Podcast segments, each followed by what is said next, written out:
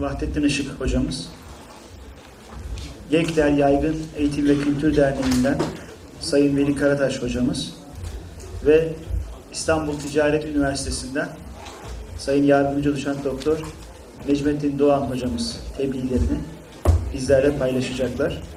Değerli misafirler, sempozyumumuzun 5. oturumuna hepiniz hoş geldiniz. E, bu oturumun başlığı Türkiye'de medeniyet fikri. E, sempozyum tercih heyetinden arkadaşlar bana e, bu oturum çok önemli bir oturum dediler. Bir yandan acaba bütün oturumculara bunu söylüyorlar mı, bütün katılımcılara yoksa bizim oturum hakikaten e, önemli mi diye böyle bir düşündüm. Fakat e, e, sempozyumun alt başlığı e, yüceltme ve reddiye arasında medeniyet olunca aslında e, e, İbn Haldun ve e, İsmet Özel e, hakikaten e, yüceltme ve medeniyet kavramına, yüceltme ve reddiye bağlamında yaklaşan veyahut da referans çevresi, çerçevesi olarak kendilerine atıfta bulunan iki isim. O yüzden e, ben de e, bu sempozyum, bu oturumun çok önemli e, olduğunu düşünmeye başladım. Şimdi e, birinci e, oturumcumuz, e, birinci konuşmacımız, birinci konuşmacısı Vahdettin e, Işık. E, Vahdettin e, Işık Bey'in e, sunumun başlığı medeniyet okumalarını mukaddime e, üzerinden tartışmak. Ben sözü fazla uzatmadan e, kendisine e, vereceğim. E, yalnız e, süreye e, riayet e, edeceğimizi e, düşünüyoruz. Herkesi saygıyla selamlıyorum. Belki konuşmanın içeriğinde sizlerin de gözlemleyeceği bir şeyi baştan söylemekte fayda var. Sempozyumun başlığındaki yüceltme reddiyenin yüceltme tarafına düşen bir şeyler söylemek üzere kurgulamış değilim tebliğ. Her ne kadar mukaddime üzerinden bir değerlendirme yapacaksam da zaten mukaddimenin de bir medeniyet e, yüceltmesi olmadığını söyleyeyim. Mukaddimede bir medeniyet yüceltmesi üzerine kurgulanmış değil. Şöyle bir yol takip etmeyi düşünüyorum. Önce mukaddime üzerinden umran ne demektir?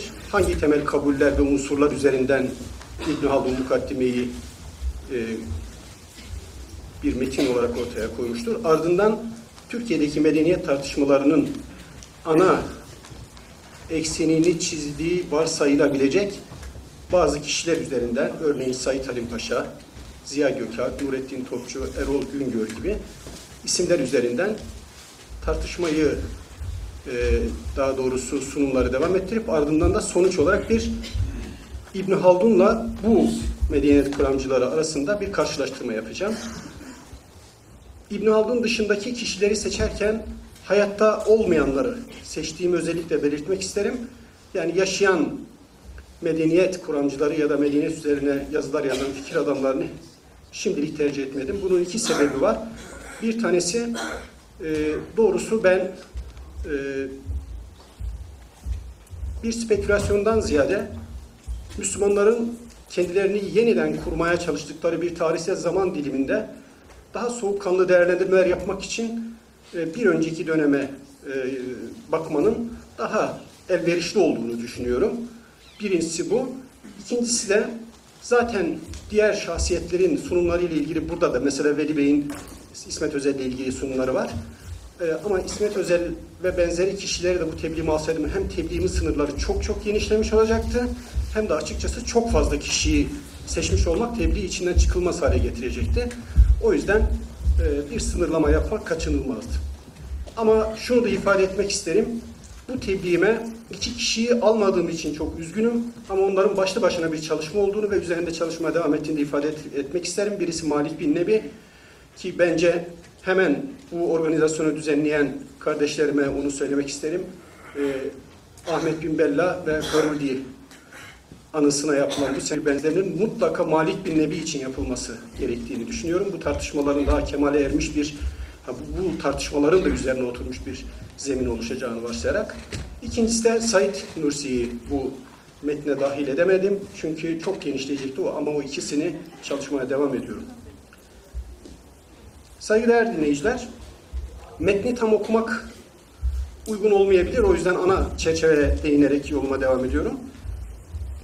Dünden beri takip ettiğiniz gibi medeniyet kavramı etrafında yapılan tartışmalar gittikçe artıyor ve neredeyse sosyal bilimlerin e, birçoğunun e, analiz birimi olarak artık medeniyet kavramı literatüre girmiş durumda. Başka birçok kişinin de işaret ettiği gibi vasat bir medeniyetin dünyayı tasallut altına aldığı bir dönemden geçiyoruz. Dolayısıyla düşüncenin de yalın kat bir vasatlığa mahkum edilip edilmediğine ilişkin tereddütlerin artmış olmasını anlayışla karşılamamız gerekir. Nitekim modernitenin küresel bir olgu haline geldiği dünyamızda Batı'nın hiyerarşik bir ilişki içerisinde kendisi dışındaki dünya ile ilişkilerini tanzim ettiğini ve bizlerin de kurulmuş bu düzen içerisinde nesneleştirmekle yüz yüze kaldığımızı hepimiz müşahede etmiş durumdayız. Batı medeniyetini şimdilik kavramı tartışmadan kullanıyorum. Batı medeniyetini eksene alarak kendisini konuşlandıran ya da Batı medeniyetini eksene alarak ötekini konuşlandıran Avrupa merkezci tasavvurların gittikçe daha yoğun bir şekilde tartışması, tartışılması bana göre e, bu kavramın, bu merkezi kavramın anlaşılabilir kılınması konusunda umut verici bir gelişmedir. Norbert Elias'ın da belirttiği gibi biz Batı'nın kullandığı civilization yani medeniyet diye çevrilen kavramı Batı ulusal bilincinin öz bilinci olarak tarif edebiliriz. Bu yüzden Batılılar için kavram daha iyi olan e, çağdaş toplumlardan farklı olarak Batı'nın sahip olduğu her türlü imkanı ve kazanımı ifade ediyor. Durum böyleyken bizim medeniyet kavramına sorgulayıcı bir nazarla bakmamız herhalde anlaşılabilir bir sorgulama biçimidir. Biz burada biraz önce de belirttiğim gibi mukaddime üzerinden bir bakış geliştirmeye çalışacağız. Ara başlığımı şöyle ifade etmiştim. Belki bundan sonraki anlatılacak e, ifadeleri de çerçeve olarak şekillendirsin diye. Mukaddimede düzen tasavvuru ve açıklayıcı bir kavram olarak umran. Aslında metnin üst başlığı da bu sayılabilir. Kelime olarak mukaddimenin ön söz olduğunu ve kendisinden sonra çıkarılacak, çıkarılacak hükümler için bir temel oluşturduğunu biliyoruz. Ben mukaddimeden, mukaddime metninden bunun aslında İbn Haldun'un daha üst, daha karmaşık, daha sistemli düşüncelerin başlangıcı olsun diye kendisini temellendirdiği bir metin olarak yazıldığını düşündüğüm için mukaddime isminin kastı mahsusa ile verildiğini e, şahsen e, telakki ediyorum. Yani mukaddime kitabı İbn Haldun'un umran kuramını kendisine bakarak çıkarımda bulunabileceğimiz bir öncüldür diye okumak lazım. O yüzden de ben mümkün olduğu kadar maddeler halinde, mümkün olduğu kadar maddeleştirerek e, mukaddimeyi özetlemeye çalışacağım. Birincisi diyebiliriz ki İbn Haldun düşüncesini insan, tabiat ve topluluk ilişkisiyle yaratıcı arasında kopmaz bağlar bulunduğu anlayışı üzerine kurmuştur. Bence mukaddimenin birincil öncülü budur. Nitekim varlığı böylesine entegral ve bütünsel bir tasavvur içerisinde algılama sadece İbn Haldun'a mahsus bir şey de değildir. Meşrefler arasında farklılıklara rağmen Farabi'den Gazali'ye, Tusi'den Razi'ye hemen herkeste bu bütünsel ve entegral anlayışı görmek mümkündür. Gazali de bu anlayışın bir devamcısıdır. Türkiye'de çok süslü ifadelerle öncesi ve sonrası olmayan kendi semasındaki tek yıldız diye yapılan tanımlamaların bu gerçekliği kavrayamadığını düşünüyorum. İkincisi, hakimiyetin tabiatı ile insana mahsus olduğunu ve bunun da fikir ve siyasetle tahakkuk ettirilebileceğini ifade eden İbn Haldun, devletin bu fikir ve siyasetin bir ürünü olduğunu düşünmektedir. Ona göre insan teb'an, tabii olarak medenidir. Medeni olmak bugünkü kavramsal çağrışımlardan biraz farklı bir kavramdır. Medeni olmak toplumsallık durumunu ifade eder. Onda medeni eşittir içtimai, eşittir umran şeklinde bir formülasyonun olduğunu söylememiz mümkündür. Yani bu üç kavram eş anlamlı kavramlar olarak kullanılır.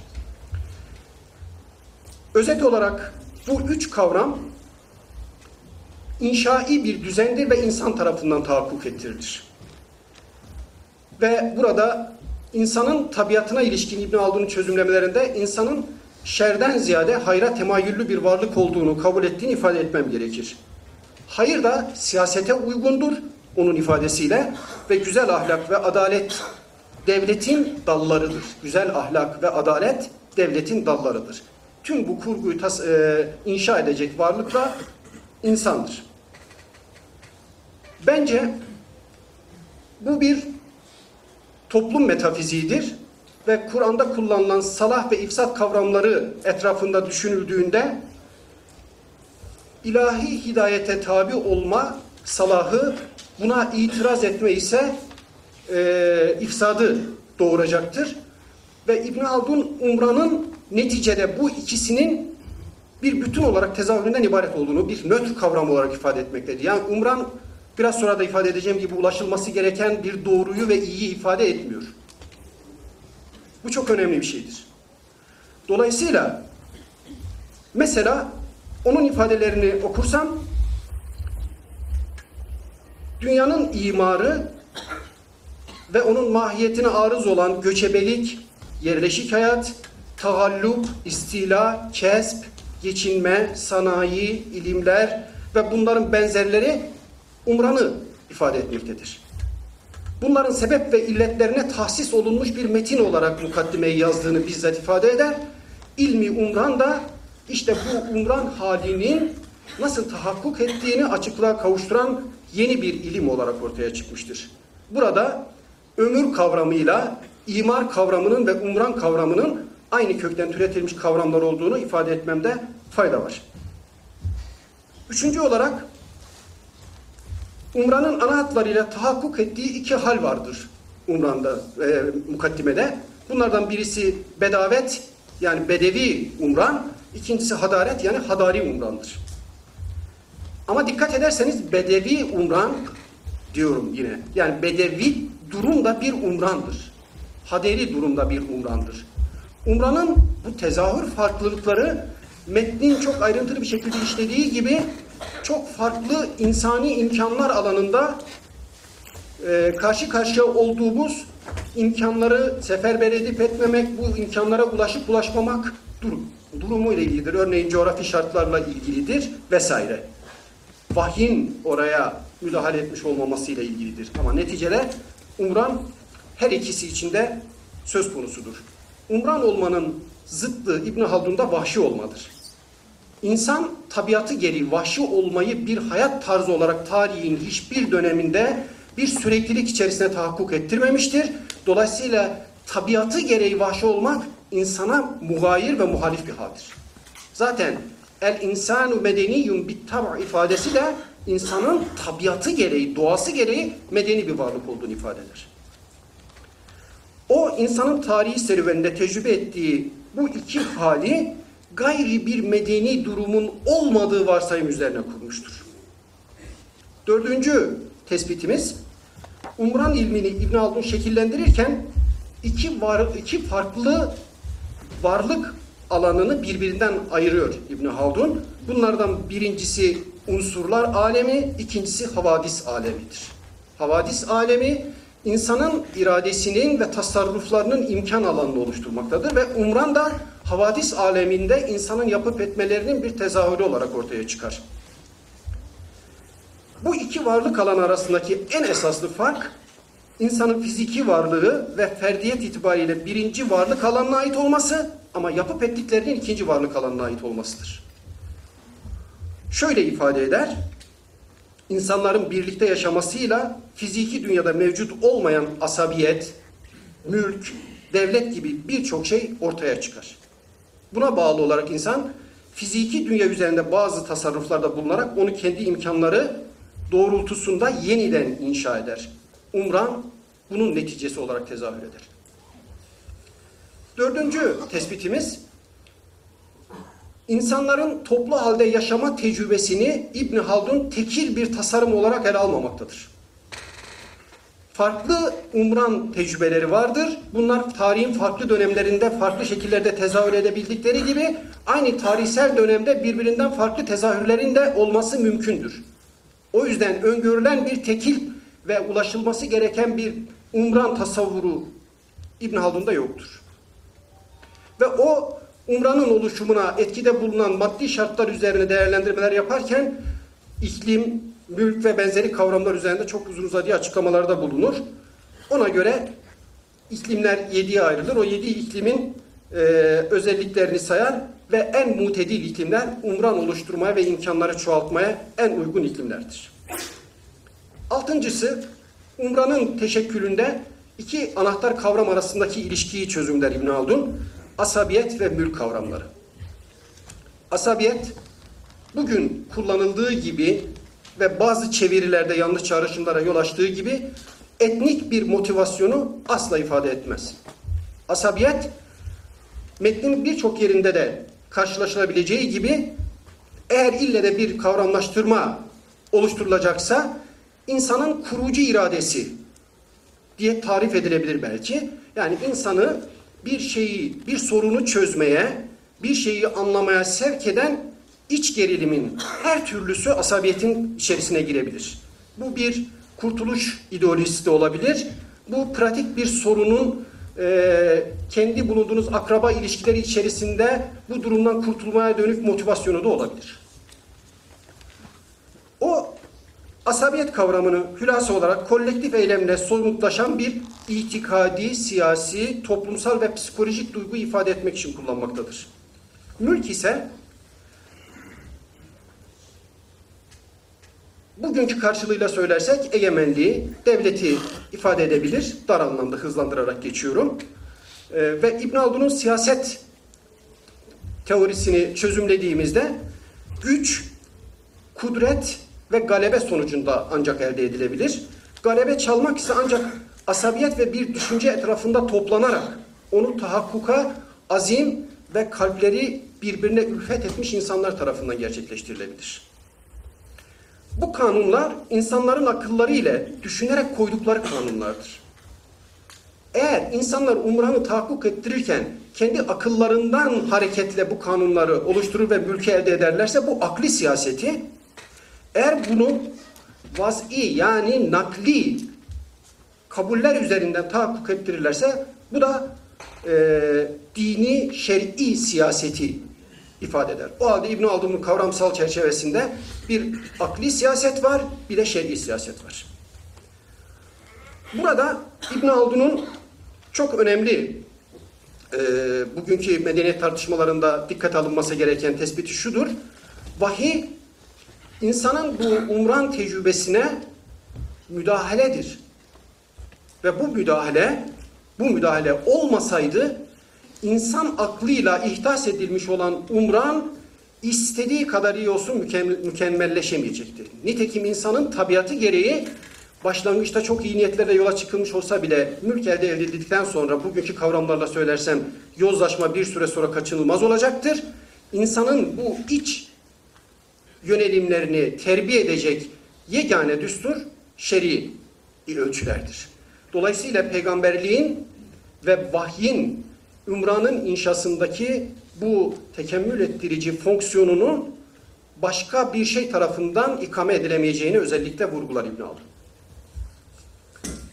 Yedinci olarak İbn Haldun umranın gelişmesine, tekemmülüne bağlı olarak ilimlerin ve sanatların da geliştiğini ve çeşitlendiğini anlatır. Dolayısıyla e, yeniden hani bilgi, ilim tartışmaları yapıldığı bu dönemde atıp yapma ihtiyacı hissettim. İlim dediğimiz e, yani eğer disiplin anlamıyla ilim dediğimiz şeyler tarihin her döneminde yenilenebilir şeylerdir.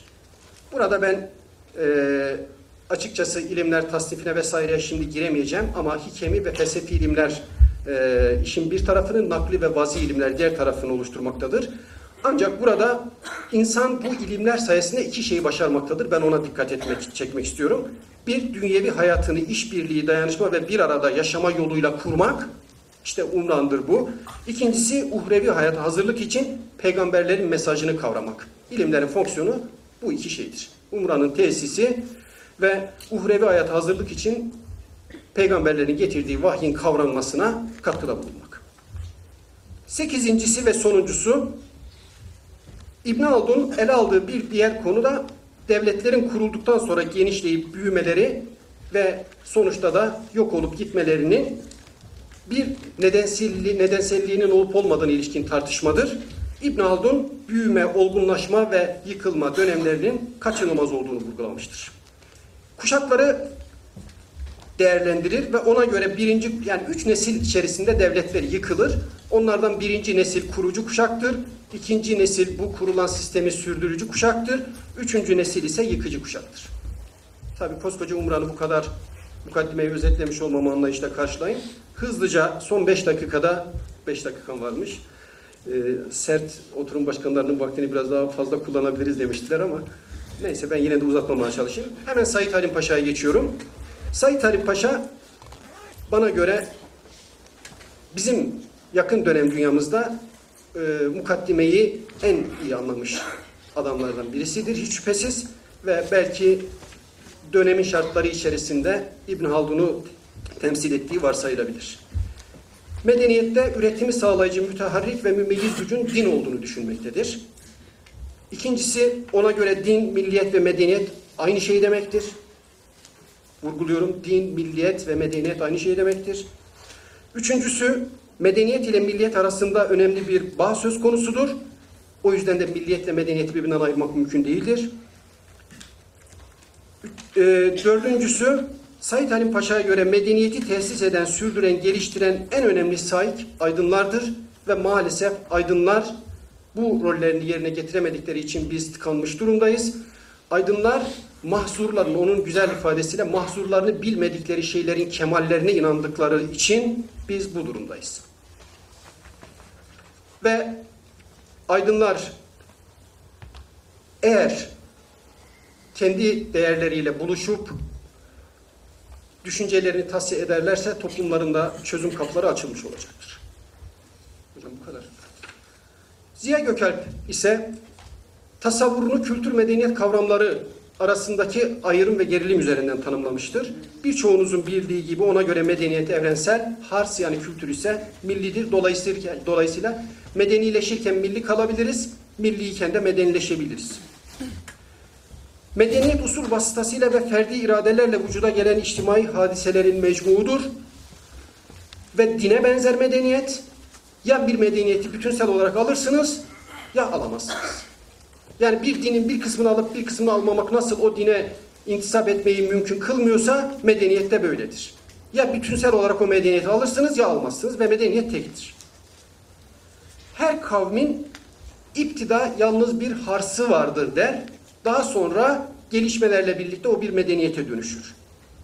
İki zıt medeniyet yan yana yaşayamaz. Dolayısıyla tek medeniyet vardır. Ya dahil olursunuz ya olmazsınız. Ali Şeriatı ise Ali Şeriatı Türkiye'deki tartışmalar içerisinde anmamı yadırgamayacağınızı umuyorum. Ali Şeriat'a göre en önemli mesele empoze edilmiş modernleşme ile gerçek medeniyet arasındaki gerilimden kaynaklanmaktadır. Batı bizi kimliğimizden koparmak için medenileşme adı altında modernleştirmektedir. Bu modernleşme de bir tüketim köleliğine dönüşmüş bir şeyden başka anlamı yoktur. Biz bir pazar haline dönüştürülüyoruz. Allah beni affetsin. Ali Şeriat'ı bu kadar kısa izah ettim. Nurettin Topçu ise medeniyet insanlığın muayyen tarihi devirlerinde bir zümre cemiyetinin benimsediği, vasıtalarla çalışarak ortaya koyduğu ve yaşattığı teknik eserlerin ve yaşayış şekillerinin bütünüdür. Dolayısıyla Ziya Gökalp'in söylediği kültür ve medeniyeti bir anlamda mezzetmiş gibi görünüyor. Ama kültür ve medeniyet üzerine söyledikleri daha sonra ayrıntılı olarak okuduğumuzda aslında büyük ölçüde Ziya Gökalp geleneğinden kopamadığını görüyoruz Nurettin Topçu'nun da. O medeniyet ile tekniği büyük ölçüde birbirine yakın kavramlar olarak kullanıyor. Topçu'ya göre bilim başka, kültür başka bir şeydir. Bilim evrenseldir ve dolayısıyla bu bilim ister batıda olsun ister bir başka yerde olsun biz o bilime katılmalıyız. O bilimsel sürecin mutlaka bizim tarafımızdan da devşirilmesi gerekir. Erol Güngör ise bir medeniyet her şeyden önce bir değerler ve inançlar sistemidir. Müesseseler bu değer ve inançların birer eseri olarak ortaya çıkarlar der. Ve Ziya Gökalp'in medeniyet anlayışını ciddi bir şekilde eleştiriye tabi tutar. Hatta öyle ki Erol Güngör'e göre Batı'nın bir medeniyet olarak tanımlanması bile doğru bir şey değildir. Batı bir medeniyet olarak tanımlanamaz. Yılmaz Özakpınar'ın daha sonraki medeniyet teorisi üzerine yaptığı çalışmalarda büyük ölçüde ben e, Erol Güngör'le örtüştüğünü düşünüyorum. Medeniyet bir inanç ve ahlak sistemini ifade eder. Kültür ise onun yansıyan eserlerini oluşturur. Bence bu anlayış Erol Güngör'ün anlayışının biraz tekemmül etmiş hali olarak tarif edilebilir. Ve e, İslam ile İslam tarihini birbirinden ayırmadan İslam'ın medeniyet tarihinin çözümlenmesinin bir takım hata, değerlendirme hatalarına yol açacağını söyler. Sonuç olarak bu kadar e, çerçeve bilgiden sonra karşılaştırma yaparsam diğer medeniyet kuramcıları ile İbn Haldun arasındaki en köklü fark bence diğerleri kavramları bir başkasıyla ilişkilerini vuzuğa kavuşturmak için bir araç kavramı olarak kullanıyorlar. Oysa İbn Haldun bir başkasını öteleştirmeden ya da kendi durumu sağlama alma kaygısı taşımadan bizatihi bir objektif olgu olarak umran nasıl tahakkuk etmektedir? Bunun üzerinde durmaktadır. O bütün olup biteni bir kader içerisinde algılamaktadır. O bahsettiğim bütünsel varlık tasavvuru içerisinde. Önemli olan kaderin kevni dünyadaki ölçülerini kavramak ve tıpkı onun benzeri olan sosyal dünyadaki ölçülerini kavramak ve bu süreci kendi havadis alemindeki iradesini e, sürece müdahale ederek şekillendirmektir. Yani bunu da vahiy ölçüleri içerisinde yaparsanız salaha erersiniz. Vahiy ölçüleri aykırı yaparsanız bir takım imkan alanlarını genişletebilirsiniz ama neticede bir yerde yozlaşma kaçınılmazdır. Bence diğer e, tartışmalarda İbn Haldun'un dışında yapılan bu adı geçen tartışmalarda herkes ikinci meşrutiyet döneminin büyük sorusu olan nasıl kurtuluruz sorusu çerçevesinde son derece pratik kaygılarla bu tartışmayı yapıyor. Dolayısıyla yaşanan gerilimlerin önemli bir kısmının kavramın mahiyetinden ziyade bu pratik durumla ilgili olduğunu düşünüyorum ben. İkinci olarak İbn Haldun din olmaksızın medeniyet eğer şimdilik medeniyet diyorum umran tam anlamıyla mükemmelleşemeyecektir der. Bu anlamda Said Halim Paşa, Ali Şeriati ve Erol Güngör, Malik bin, e, Malik bin Nebi, Allah rahmet eylesin sonunda ismini almış oldum. Bu geleneğe devam et, bu geleneği devam ettiren kişilerdir. Ziya Gökalp ise burada bir kopuşu ifade eder. Üçüncü olarak insan tabiatı gereği medenidir dedik ve irade olarak insan bu sürece katılır dedik. Bu konuda herkes arasında bir uyum var ancak daha önce de söylediğimiz gibi medeni olmama hali eğer umran ve medeniyet eş anlamda kullanacaksak medeni olmama hali insanlığın tarihsel tecrübesinde kalıcı hiçbir zaman bir hal olmamıştır ancak anlık durumlar başı olabilir. Dolayısıyla medeniyet ulaşılması gereken bir noktayı temsil etmemektedir. Medeniyet zaten içinde bulunduğumuz haldir. Ona göre Allah emrini hilafet ile tamamlar. İnsan halife olarak yaratılmıştır. Görevi yeryüzünü mamur etmektir. Bu mamur etme çabasının tezahür olarak ortaya çıkan o bütünsel fotoğrafın adı umrandır. Mülk de tabiatı gereği kötü değildir. Modern filozoflarda vardır ya, hani devlet bizatihi kötüdür. İbn Haldun'da devlet bizatihi kötü değildir. Çünkü siyaset hayra taalluk eden şeyin yapılmasına ilişkin irademizin temsil edildiği alandır aynı zamanda İbn Haldun'da. Ve bu eksende meseleye baktığımızda en açık dinin umran inşasındaki en açık e, rolünü vurgulayan kişi Said Halim Paşa'dır. Son olarak her şey değişir, her şey fanidir, baki olan Allah'tır. Dolayısıyla mahluk mahduttur, umran da mahduttur. Umran da değişecektir. Yani bir değişmez umran söz konusu değildir. Şartlar değiştikçe, insanların fiilleri değiştikçe umran da değişecektir. Ben şunu söyleyerek konuşmamı bitirmiş olayım. Mukaddimenin temel ilkesi şudur. Emek verirseniz, sorun çözerseniz imkan alanlarınız genişler. Yani imkan alanı insanın çabalarıyla orantılı olarak, sorun çözme kabiliyetleriyle orantılı olarak genişleyen bir şeydir. Dolayısıyla insanın kuşatılmışlığı ve çaresizliği diye bir şey söz konusu değildir. Allah var, imkan var demektir. Tüm bu söylediklerimi umran ve medeniyet kavramlarını eş anlamda kullanıldığını varsayarsak söyleyebiliriz. Benim tespitim iki Arapça metnin birinde medeniyet kavramı bir kez bile geçmemektedir. Diğerinde ise e, birkaç yerde geçiyor. Dolayısıyla medeniyeti umranla özdeşleştirip özdeşleştirmemek ayrı bir tartışma konusudur. konusudur. Teşekkür ediyorum.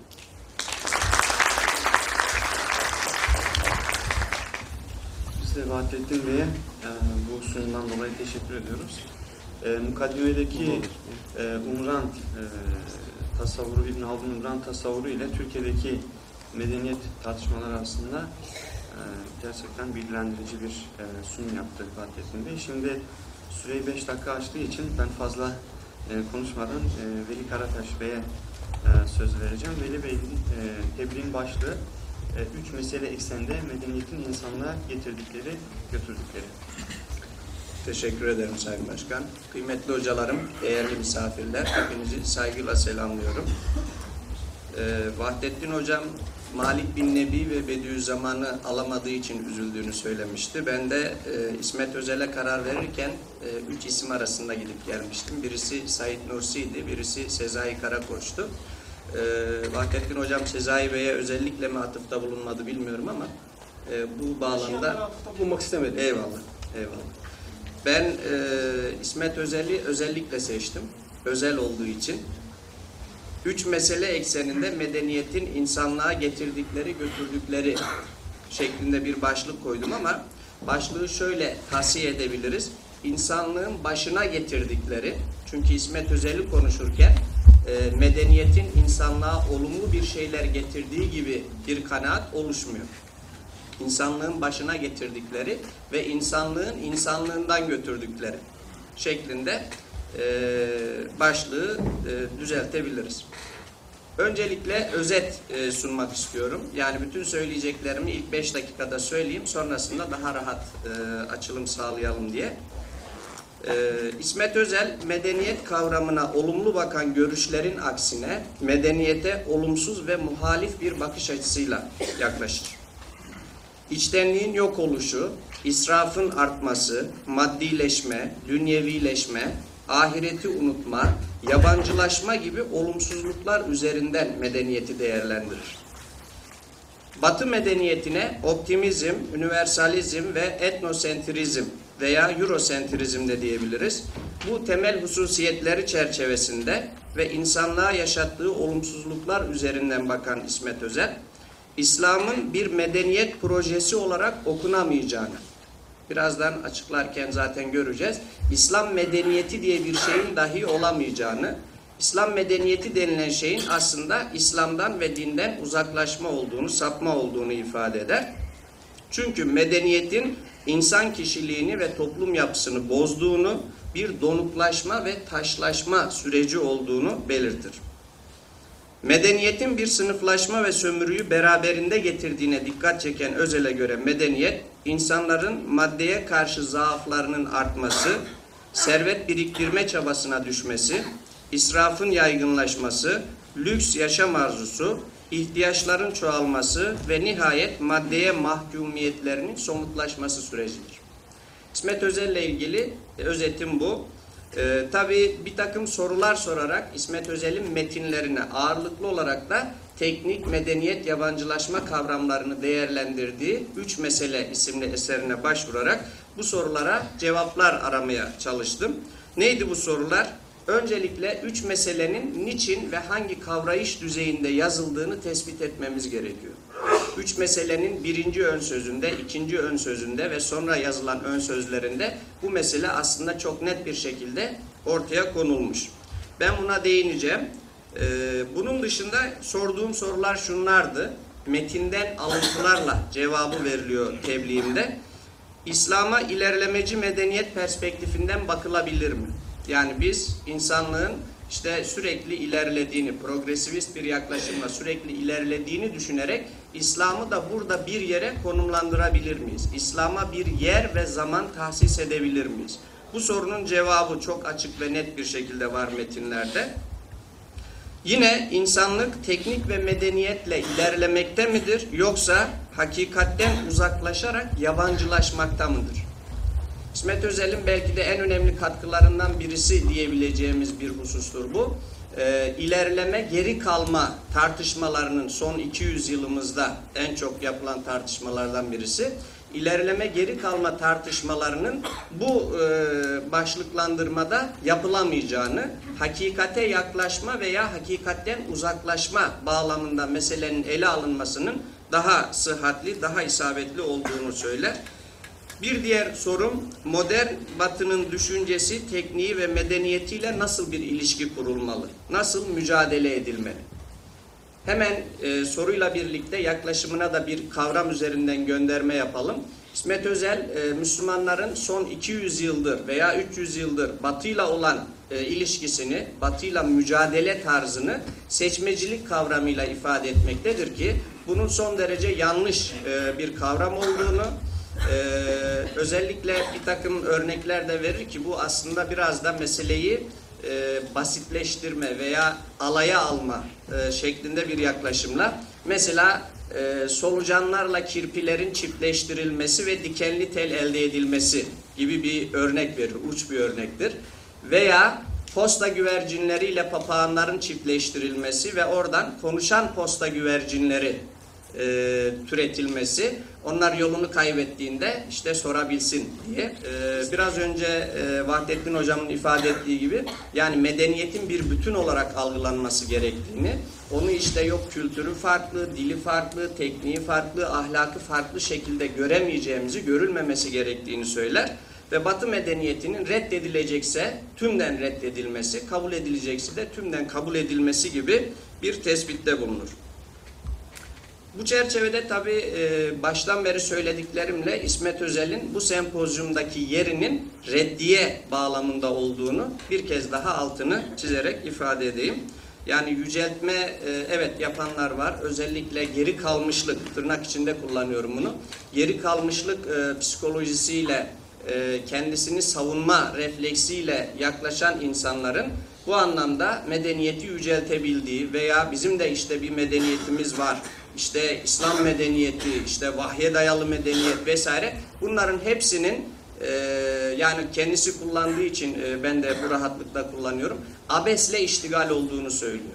Kesinlikle e, Müslüman düşüncesine, İslam düşüncesine uzaktan yakından değmeyen, alakası olmayan yaklaşımlar olduğunu söylüyor ki bu konuda son derece radikal bir çizgide.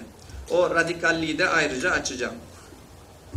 Yine sormuş olduğu sorulardan birisi benim sorduğum ve metinlerden cevap aldığım medeniyet kolayca sahiplenilecek olumlu bir kavram. İsmet Özel bağlamında düşündüğümüzde kesinlikle olumlu bir kavram değil. Ee, bunun gerekçelerini biraz daha ayrıntılı bir şekilde ele alacağım. Ve e, son olarak medeniyeti nasıl okumalıyız sorusu var. E, bu sorular çerçevesinde tebliğimi e, bitireceğim inşallah. Öncelikle şu hususun e, çok net bir şekilde tespit edilmesi gerekiyor. E, üç mesele niçin ve hangi kavrayış düzeyinde yazıldı? İsmet Özel kendine özel bir e, tahsis çerçevesinde, yine kendi özel sınıflaması çerçevesinde İslam'ın üç kavrayış düzeyinde anlaşılabileceğini söyler. Bunlardan birincisi tefrit şey tecrid safhası, ikincisi tefrit safhası, üçüncüsü de tevhid safhası. Bunun ben Cibril hadisinden alındığını düşünüyorum. Ee, Cibril hadisinde e, Cebrail aleyhisselam Hazreti Peygamber'e e, İslam'ı soruyor, imanı soruyor, ihsanı soruyor.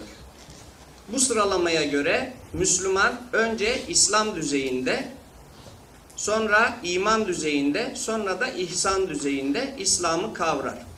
Birinci düzeydeki kavrayış her şeyi reddetme, İslam dışındaki her şeye hayır deme safhasıdır. Tecrid safhası.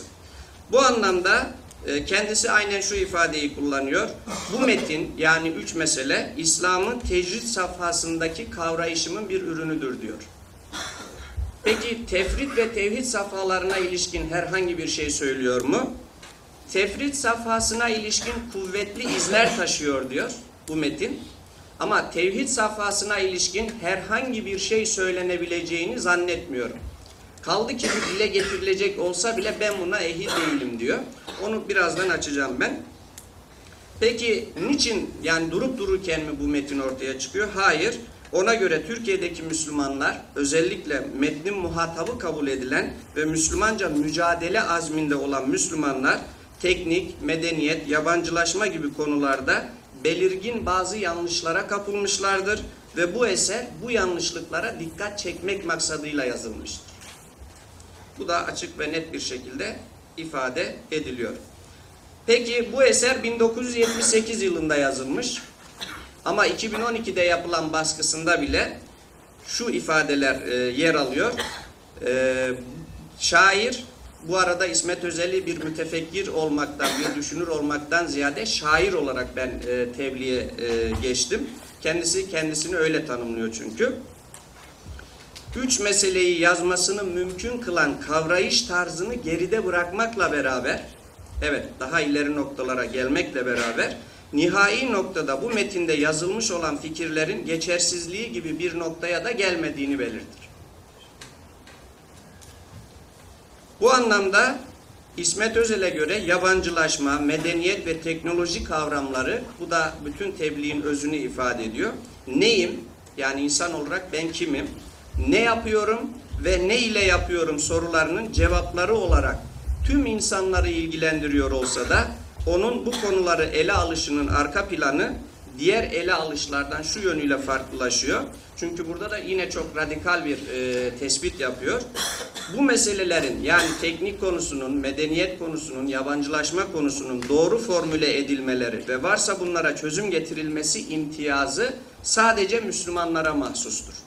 Çünkü bu çağda ve bu yerde yeni bir yaşama biçiminin ve yeni bir kavrayış tarzının başlatıcısı olma imkanı sadece Müslümanlardadır. Bize imkan olarak verilmiş olan Allah'ın kitabı ve peygamberin sünnetidir diyor. Yine e, anahtar ifadelerden birisi olarak teknoloji bir azgınlık, medeniyet çürüme ve yabancılaşma düşüncesi bir gururdan ibarettir diyor. Burada tabi bu radikallik bizi nereye götürür? Kitabın ön sözünde bu radikallik sergileniyor ama kitap bitirilirken son sözünde de şuna dikkat çekiliyor çok enteresan bir şekilde. Bu radikallik bizi sadece Ütopya'ya götürür. Ve biz radikalizm ve Ütopya'nın kıskacına düşmemek anlamında ne yapmalıyız peki? Orada da önermiş olduğu şey şu. Biz şu anda anın vacibi ne ise onu yerine getirmekle mükellefiz. Bir medeniyet kurmak gibi. Ondan sonra bir işte e, insanlığa yön vermek gibi vesaire falan böyle bir ideali kendimiz için belirleyemeyiz. Nitekim e, Hazreti Peygamber devri, Hulefai Raşidin devri, Osmanlı'nın ilk 200 yılı bu anlamda kesinlikle böyle bir idealle yapılmış, e, yaşanmış zamanlar değildi. Ne zaman ki e, böyle bir ideale doğru evrilme başladı, işte o zaman bozulma başladı diyor. Biz medeniyeti ele alacaksak, medeniyeti tartışacaksak, Müslümanlar nasıl oldu da medeniyete doğru gitti? Bunu tespit etmeliyiz ve buna gitmemek için nasıl tedbirler almalıyız? Bunun hesabını yapmalıyız diyor. Şimdi bu e, girişten sonra e, özellikle medeniyetle ilgili tespitlerini e, değerlendirme bağlamında tabi bütün tebliği sunmam mümkün değil ama bütünlük anlamında yazılı metne dönüşecek bu inşallah.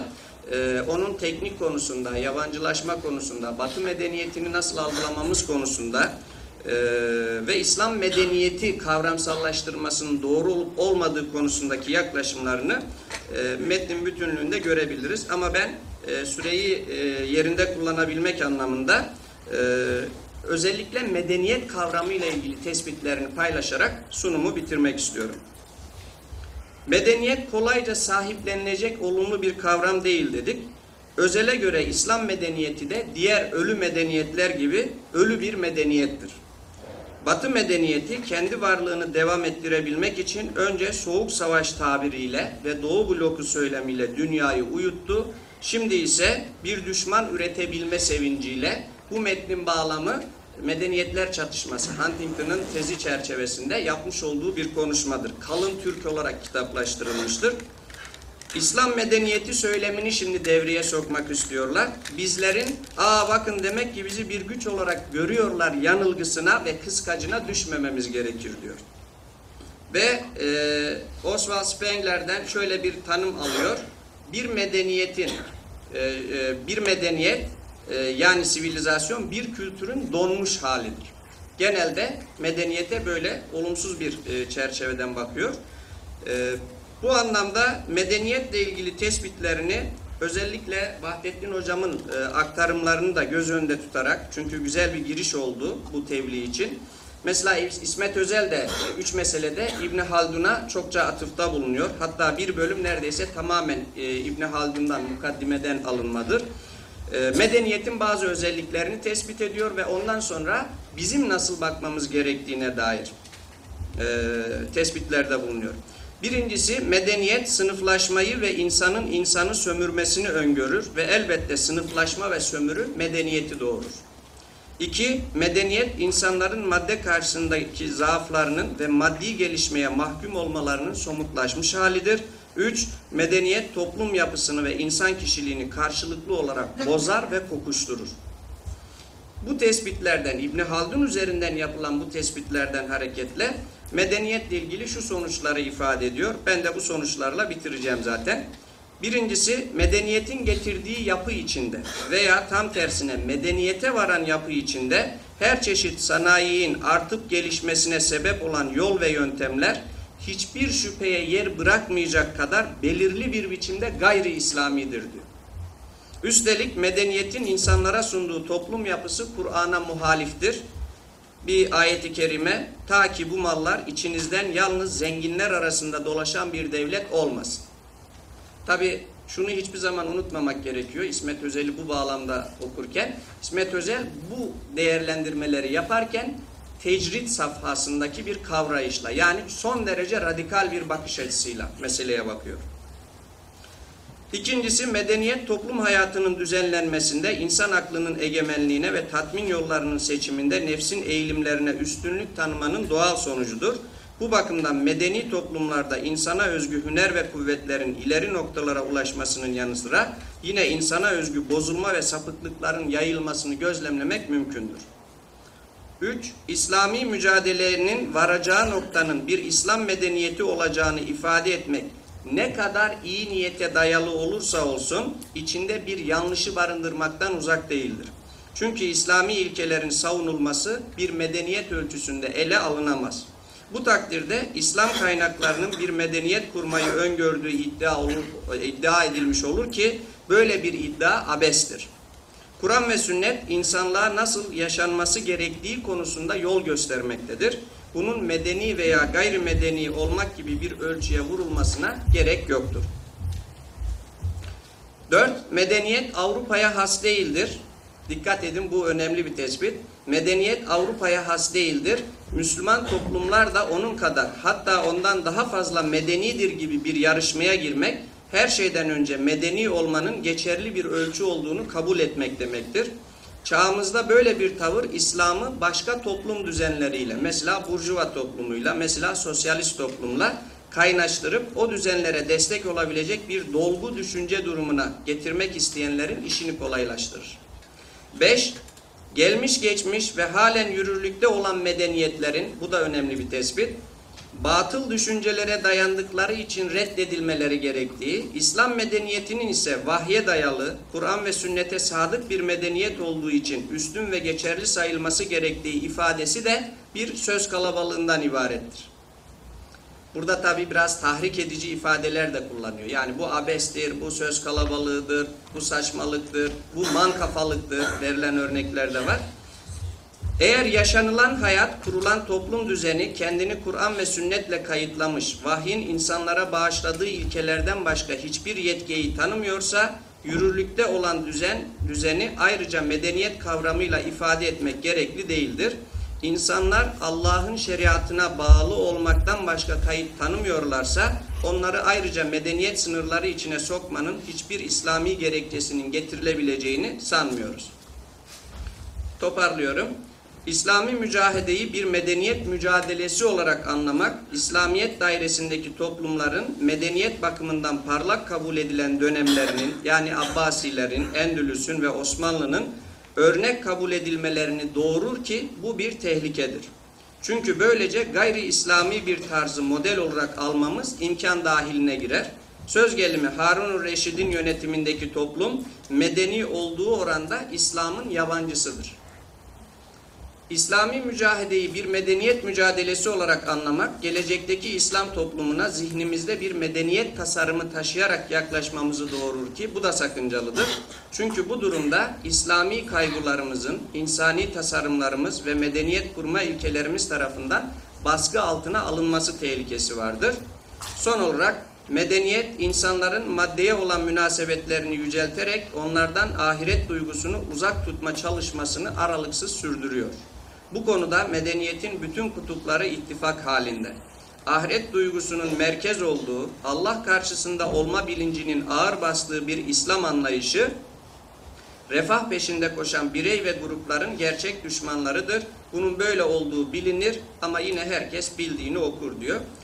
Ee, bütün tebliği özetler mahiyette. Peki bütün bunları söyleyen, bu tespitleri yapan İsmet Özel bize hiç mi bir şey önermiyor? Ne yapmalıyız sorusu karşısında? İsmet Özel medeniyetle ilgili değerlendirmelerinde medeniyet kavramına olumsuz bakan ve medeniyeti reddeden bir yaklaşıma sahiptir. O İslam medeniyeti denilen medeniyet de dahil her türlü medeniyete karşıdır. Çünkü yazılarından birinin başlığı da budur hatta. Çünkü medeniyet onun nazarında çürüme, donuklaşma, taşlaşma, sınıflaşma, aylaklık, israf, yetim malını gaspa yöneliş, lüzumsuzluk, incelik, zarafet, fantezi, incelik ve zarafet burada olumsuzlanıyor bakın.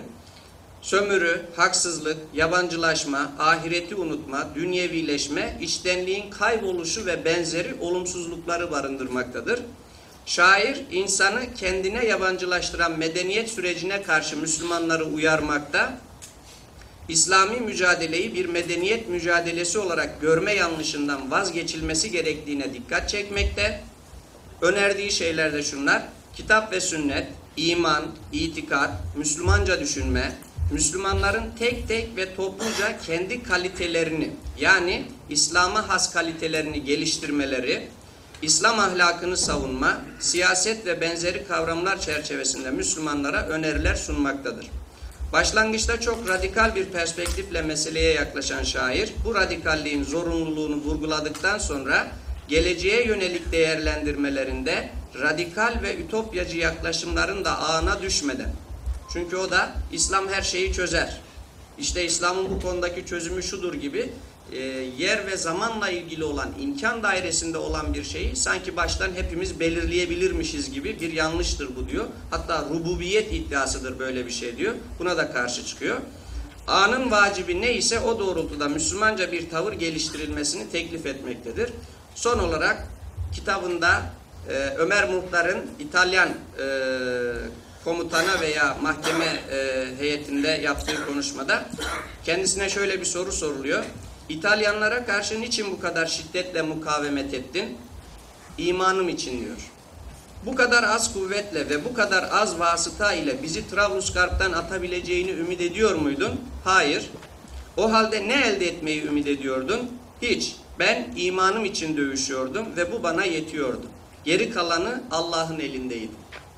Bu da metinde geçen ve benim e, tebliği de bununla bitirmeyi uygun gördüğüm bir bölümdü. Sabırla dinlediğiniz için hepinize teşekkür ediyorum. Size Veli Karataş Bey'e bu sunumundan dolayı teşekkür ediyoruz. Ee, Türkiye'deki medeniyet tartışmalarına e, muhalif bir e, yaklaşım ile e, yaklaşım sergileyen İsmet Özel'in görüşlerini güzel bir şekilde bizlere e, sunmuş oldu. Şimdi 5. E, oturumun son konuşmacısı Sayın Necmettin Doğan'a söz vereceğiz. Tebliğin başlığı İslamcı düşüncede medeniyet ve ilerleme kavramlarının etkileşimi aslında Vahdettin Bey'in tebliği Veli, e, ve Veli Bey'in tebliği sanırım Necmettin Bey'e bir evet. zemin sunacak gibi özellikle günümüzde e, yükselen medeniyet söylemlerini e, bir e, tebliğ olacaktır. Teşekkür. Ben de e, tüm dinleyicileri saygıyla selamlıyorum. E, başlığı biraz değiştirdim ben. E, İslamcıların yanında Türk düşüncesi dedim. Çünkü e, Türkiye'deki İslamcılıkta nihayetinde e, e, Türkiye'deki muhafazakar düşünceyle veya sol düşünceyle de iç içe. Ama yine tebliğde daha spesifik olarak İslamcı düşünceyle değineceğim. e, medeniyet kavramını değerlendirirken göz önüne alınması gereken bir diğer kavram da ilerleme. E, çünkü bu kavram medeniyetten bağımsız olarak düşünülebilecek bir kavram değil. E, nihayetinde Türk düşüncesini, Türk siyasetini çok etkilemiş bir kavram. E, terakki, e, İhtiyar Terakki, Terakki Perver Fırkası, Gaye Sabahattin'in çıkardığı Terakki isimli dergi veya Türkiye'de Batıcılığın, Garpçılığın en önemli temsilcisi, temsilcisi olan ya da onlardan bir tanesi olan Celal Nuri'nin ileri soyadını alması bunlar e, ilerleme nosyonunun ne kadar e, Türkiye'de etkili olduğunu gösteren örnekler. E, o yüzden e, önce bu kavramın bir tarihine e, kısaca değinmekte fayda var. E, ilerleme kavramı tabii modern bir kurgu denebilir. İşte e, hocam anlattı, e, İbn Haldun'un tarih felsefesinde, medeniyet anlayışında bir ilerleme düşüncesi yok. E, medeniyet, e, hadaret oluştuktan sonra onun çökmesi bekleniyor. Bir e, dairesel, fasit daire dedikleri bir e, döngü söz konusu. E, Batı düşüncesinde bir gelişme, geleceğin daha iyi olacağı düşüncesinin var olduğu ifade ediliyor ama ilerleme düşüncesi bunlardan da farklı.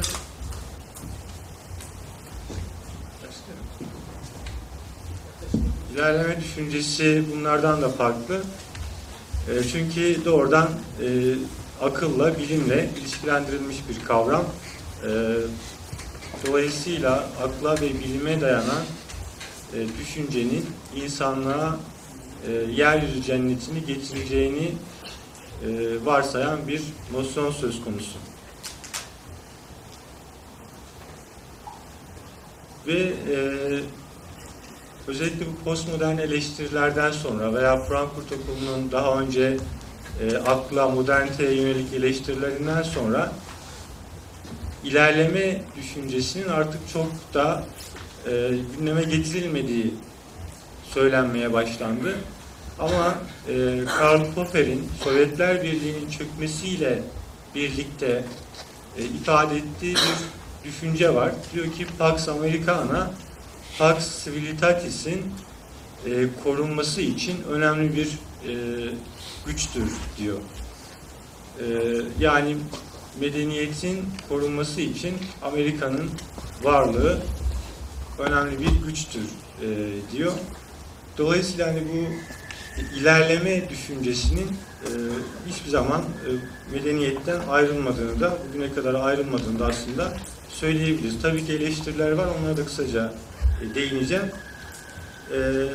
Hegel'de, Kant'ta, Marx'ta bunların hepsinde tarih felsefelerinde ilerleme düşüncesi açık veya gizli bir şekilde var. Hegel'in felsefesinde Geist'in kendini gerçekleştirme süreci süreci söz konu söz konusu. Marx'ta e, işte nihai evreye, komünizme doğru bir e, gelişme söz konusu.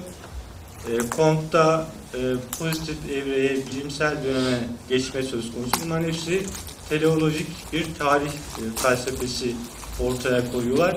Ve burada önemli olan nokta tabii son e, e, düzeyi Batı'nın temsil ediyor olması.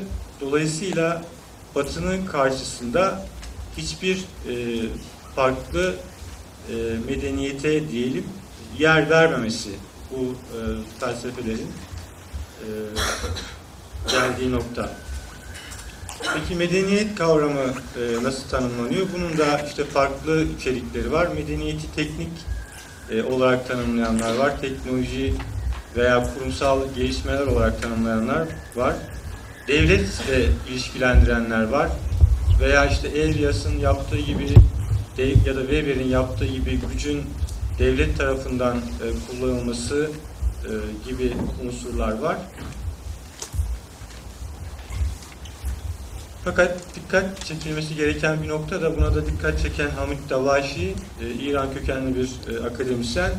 E, medeniyet aynı zamanda kapitalizmle de ilişkilendirilmiş bir şey. Biraz önce söylediğim gibi Popper'de Sovyetler Birliği'nin çökmesiyle medeniyetin Amerika tarafından e, korunması gerektiğini söylüyor. Dolayısıyla Amerika'nın temsil ettiği şey de liberal kapitalizm ve e, medeniyet ilerleme düşüncesinden ayrılamayacağı gibi aynı zamanda kapitalist e, düşünceden de ayrılamayacak bir şey. E, Bu nokta önemli çünkü e, Türkiye'deki tartışmalarla da ilişkilendireceğim. Özellikle e, İslamcılığın e, kaldıysa eğer hala hazırda geldiği durumla da e, ilişkili bir şey bu. Buradaki üretilen düşünceleri e, kritik etmeyi engelleyen bir şey veya o eleştirilerin bağlamını görmemizi engelleyen bir şey olarak karşımıza çıkıyor. Çünkü Batı da medeniyete yönelik, tekniğe yönelik önemli eleştiriler var. Ve buradaki e, eleştiriler de maalesef hani oradakilerin birer tercümesi gibi e, duruyor. E, Freud'un bir şeyi var, medeniyete yönelik bir yargısı var. Medeniyet insanı baskılayan bir şeydir diyor. İnsanın doğasını baskılayan bir şey. Fakat burada Freud bir eleştiri yapmaktan ziyade hani süperegonun işlevini bir yerde daha toplumsal düzeyde medeniyete yüklüyor ve medeniyetin getirdiği bir takım e, rahatsızlıkların kaçınılmaz olduğunu ifade ediyor. Dolayısıyla Freud'un aslında medeniyete bir eleştiri getirdiğini söylemek çok doğru değil. Esas eleştiriler Alman romantiklerinden e, geliyor. 18. yüzyılda erken Alman romantizmi diye e, literatürde adlandırılıyor. Bu da biraz aydınlanmanın e, Fransa ile ilişkilendirilmesinden kaynaklanıyor. Fransa'nın Almanya'yı e, işte Napolyon döneminde işgali, Fransa'nın kültürel olarak e, e, Almanya'da sarayda etkili olması entelektüeller arasında işte maddiyatçılığın ilerleme düşüncesinin pozitivizmin biraz Fransız kültürüyle özdeşleştirilmesine yol açıyor. Buradan da beslenen bir eleştiri var. Modern ilerlemeye, medeniyet kavramına yönelik olaraktan. Ama esas eleştiri özellikle Nurettin Topçu ve İsmet Özel'i etkileyen e, ve yine literatürde farklı şekillerde adlandırılmakla birlikte en çok reaksiyoner modernistler olarak e, adlandırılan ve Nazizme e, düşünsel bir arka plan sağladıkları, doğrudan bir bağlantıları yok ama düşünsel bir arka plan sağladıkları için çokça eleştirilen isimler var. Bunların arasında Ernst Jünger, Carl Schmitt, Oswald Spengler ve Heidegger var. Ee, bunların tek, hatta işte o dönemde Streit und Teknik diye e, bilinen bir takım tartışmalar var. Tekniğe ve medeniyete yönelik eleştiriler söz konusu. Buradaki hani Müslüman, İslamcı kesimdeki eleştirileri bunlardan bağımsız olarak düşünmek doğru değil. Çünkü yani İsmet Üzer'in de dediğim gibi öğretim topçunun da referanslarında bunları e, görmek mümkün. Ne diyorlar peki tekniğe yönelik eleştiri getirirlerken, e, medeniyete yönelik eleştiri getirirlerken? Spengler diyor ki e, teknik Faustian bir karaktere sahip. Yani insanı kontrolüne almış, onu yönlendirmeye başlamış bir karaktere sahip. Dolayısıyla bu tekniği, e, bu tekniğe yön veren aklı değiştirmek lazım e, diyor. Heidegger'de e, benzer bir şekilde insanın modern bilimle doğa arası modern bilimle kendisi ve doğa arasına e, bir e, doğa arasında bir uçurum kurduğunu söylüyor. İnsanın doğayı artık işte Francis Bacon'ın ta 17. yüzyılda formüle ettiği gibi tahakküm altına almaya başladığını bir süre sonra da insanın kendisine yani insanlar arası ilişkilerde de bu şekilde e, bakmaya başladığını söylüyor. E, eleştiriler e, bu yönde. Bir de e, daha çok e, sosyalistlerin, Marksistlerin yaptığı eleştiriler var. Bunlar da yabancılaşma, alienation veya Almanca Entfremdung kavramları çerçevesinde yapılan şeyler. Bir de Lukács'ın Verdinglichung dediği bir şey var. O da şeyleşme diye Türkçe'ye çevrilen bir kavram. Buradaki temel şey nedir? E, metalaşma e, kapitalizm biliyorsunuz tüketim e, kültürüne e, dayalı bir şey, tüketime dayalı bir şey. Tüketimin teşvik edilmesi e, kapitalizmin temel unsuru.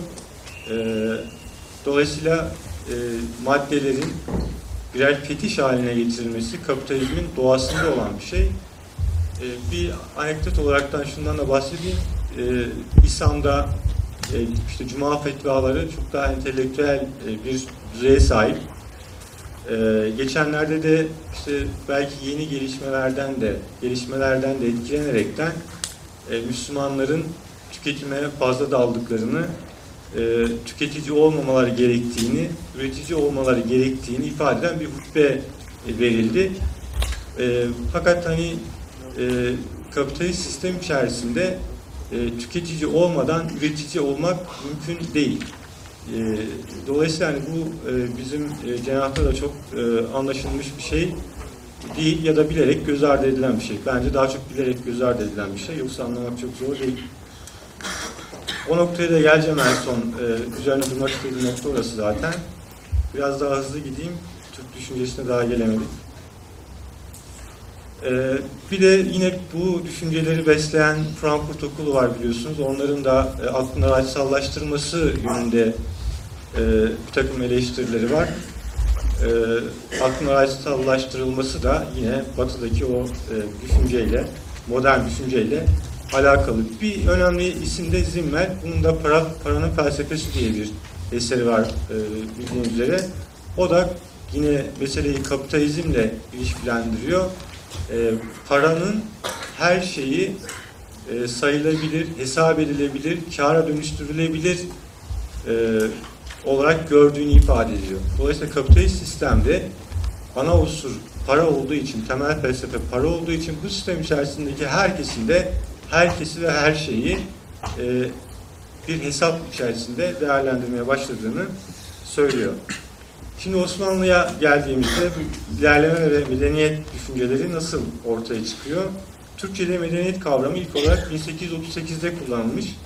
E, Fransızca'da da 1770'lerde gündeme gelmiş bir kavram. Yani çok da eski giden bir kavram değil. Ve tanzimatlara geldiğimizde e, medeniyetin artık e, ihtiyaca, ihtiyacı zamaniyeyi takip etmek için alınması gereken bir şey olduğu söylenmeye başlanıyor.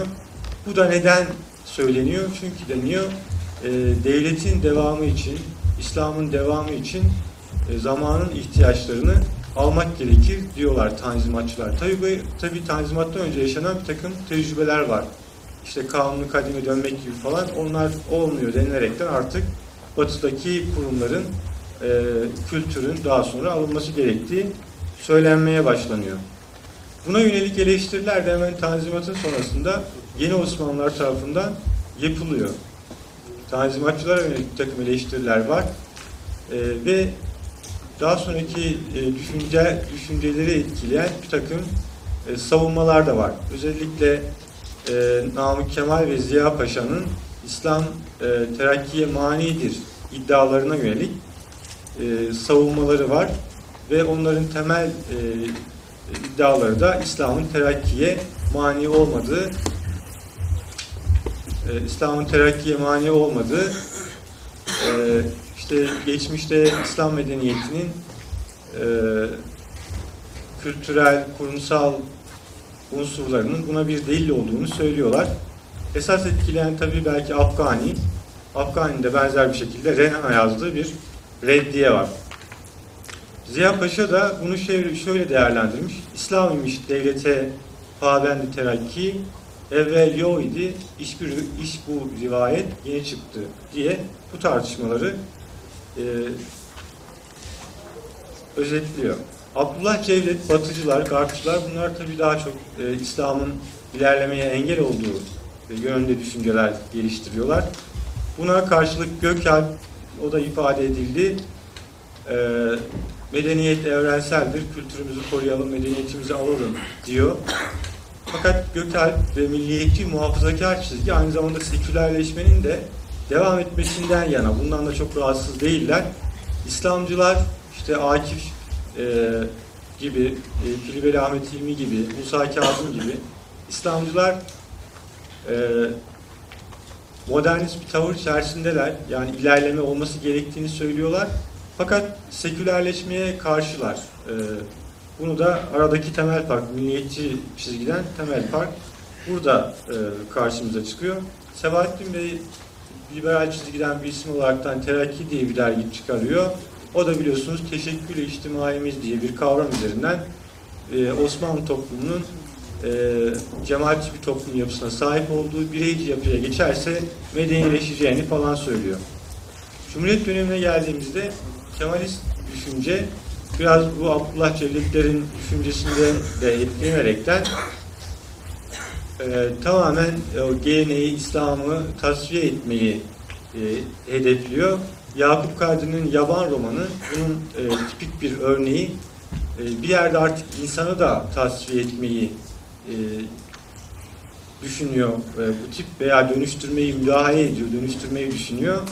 Çünkü e, bu insan tipiyle medeniyeti almak mümkün değil. Dolayısıyla onu zorla dönüştürmek gerekiyor. Yani bugüne kadar gelen sürece baktığımız zaman da Kemalizme ilişkin bir müdahalecilik Amerika'nın liberal müdahaleciliğinden çok da farklı bir şey e, değil bu anlamda. Peyami Sefa'nın Türk İnkılabı'na bakışlar diye çarpıcı bir eseri var. Hani biraz da muhafazakar falan olarak bilinir ama özellikle son 5 yılı falan hariç son derece e, batıcı bir çizgi benimsediğini görmekteyiz.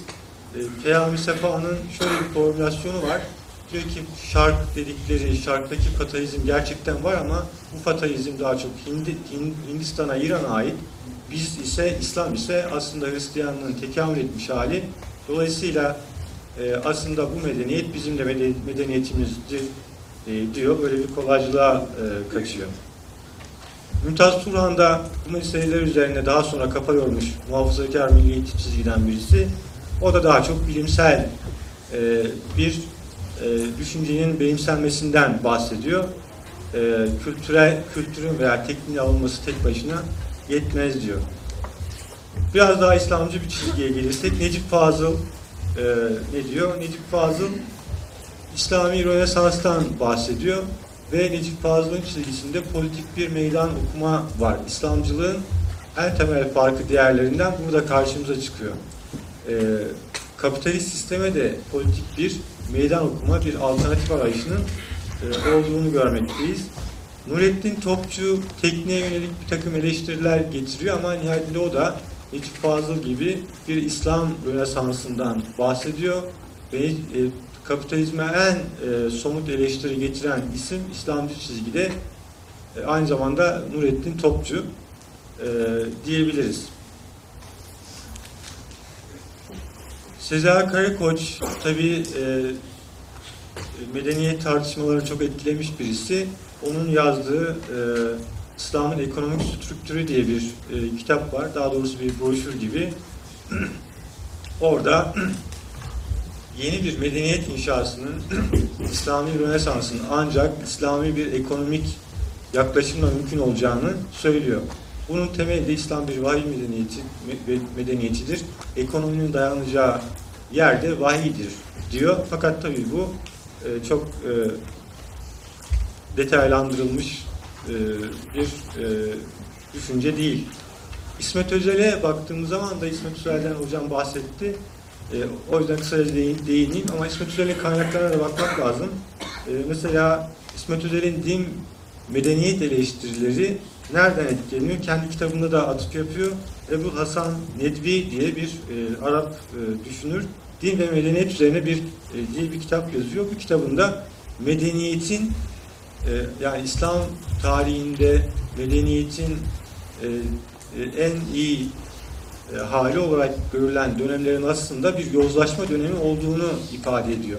Sarayın işte halkı sömürmesinin sonucunda oluşmuş kurumlar olduğunu söylüyor. Yani İsmet Özel de biraz hem Alman düşüncesinden hem de e, bu e, kitaptan etkilenerekten bunları söylüyor. İsmet Özel daha sonra da bu düşüncelerini çok geliştirmiyor. E, yani geçerli olduğunu söylese de e, kitabına yazdığı ikinci ön sözde bu düşünceleri e, belli bir döneme ait olduğunu ifade ediyor. Bitmek üzere hocam. Bir iki dakika kaldı. Bir de yakın döneme geldiğimizde e, Seyit Hüseyin Nasr, Ahmet Davutoğlu ve İbrahim Kalın e, medeniyet üzerine düşünceler e, ifade eden isimler. Bu anlamda ben yaşayan yaşamayan ayrımı da yapmadım. Ee, bunlar ne diyorlar? Seyyid Hüseyin Nasr'la ilgili e, ilginç bir makale okudum. Rosemary X diye birisinin e, yazdığı biraz e, gelenekçiliği e, komple teorisine e, komple teorisine e, yönelik bir şekilde değerlendirmiş. Gelenekçi yaklaşımın e, aslında Amerika tarafından bilinçli olarak, Amerika üniversiteleri tarafından bilinçli olarak desteklendiğini işte İslam dünyasındaki e, alternatif arayışların önünü kesecek, liberalizmle daha uyumlu bir düşünce olarak desteklediklerini söylüyor. Buna tabii çok e, ikna olmak mümkün değil e, ama şöyle bir şey de var. E, nihayetinde e, Seyyid Hüseyin Nas Davutoğlu ve İbrahim Kalın İslam medeniyetinin esas e, gelişeceği noktanın özellikle bunu İbrahim Kalın söylüyor. Davutoğlu daha çok medeniyet e, e, medeniyet ekseninde, uluslararası ilişkiler ekseninde bir değerlendirme yapıyor. Seyyid Hüseyin Nasr ve İbrahim Kalın üzerinden e, daha çok konuşuyorum. E, bunlar da e, yine bir İslam medeniyeti ihyası çabası içerisindeler. E, ama doğrudan artık bir politik, ekonomik alternatif arayışı söz konusu değil. İslam medeniyetinin yeni bir varlık tasavvuruyla ya nedir o? İşte Batı düşüncesi varlığın merkezine kendisini koydu. Dolayısıyla e, her şeyi bir şekilde araçsallaştırdı. O kartezyen düşünceyi ortadan kaldıracak yeni bir varlık tasavvuru yani bir yerde aslında e, vahye dayanan bir varlık tasavvurunun e, medeniyet ihyasını gerçekleştireceğini ifade ediyorlar. Burada belki uzun dönemli bir alternatif de e, ortaya çıkabilir. Gizli olarak böyle bir e, imada var.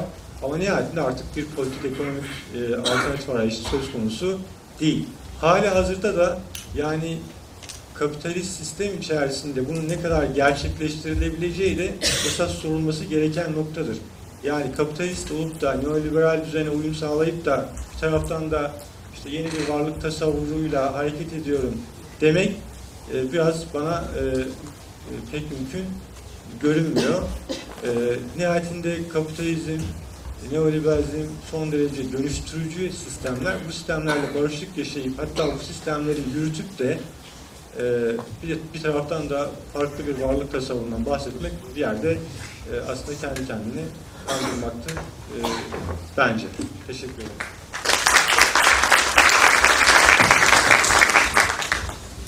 Ee, Ben Necmettin Bey'e teşekkür ediyorum. Aslında birbirini tamamlayan üç e, sunum e, dinledik. E, süreyi açtığımız için ben de sözü fazla uzatmadan şöyle 10 dakikalık bir e, süre içerisinde soru cevap faslına ayıralım. Sorusu olan varsa buyurun. Soru Mikrofon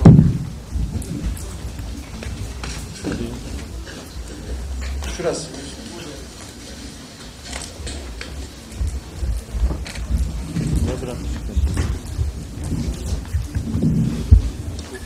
Biraz sessiz sorun isterseniz. Tamam olur. Ee, sorum, sorum Sayın Veli Hocama. Medeniyet ve bilim arasında pozitif bir ilişki var mı? Tamam peki. Tekrar etmem gerekiyormuş soruyu. Ee, medeniyet ve bilim arasında e, bir ilişki var mı? Ee, İslamiyet pozitif bilimde ilerleme anlamında ne yapmalı veya ne yapmamalı? Şimdiden çok teşekkür ederim hocam. Evet.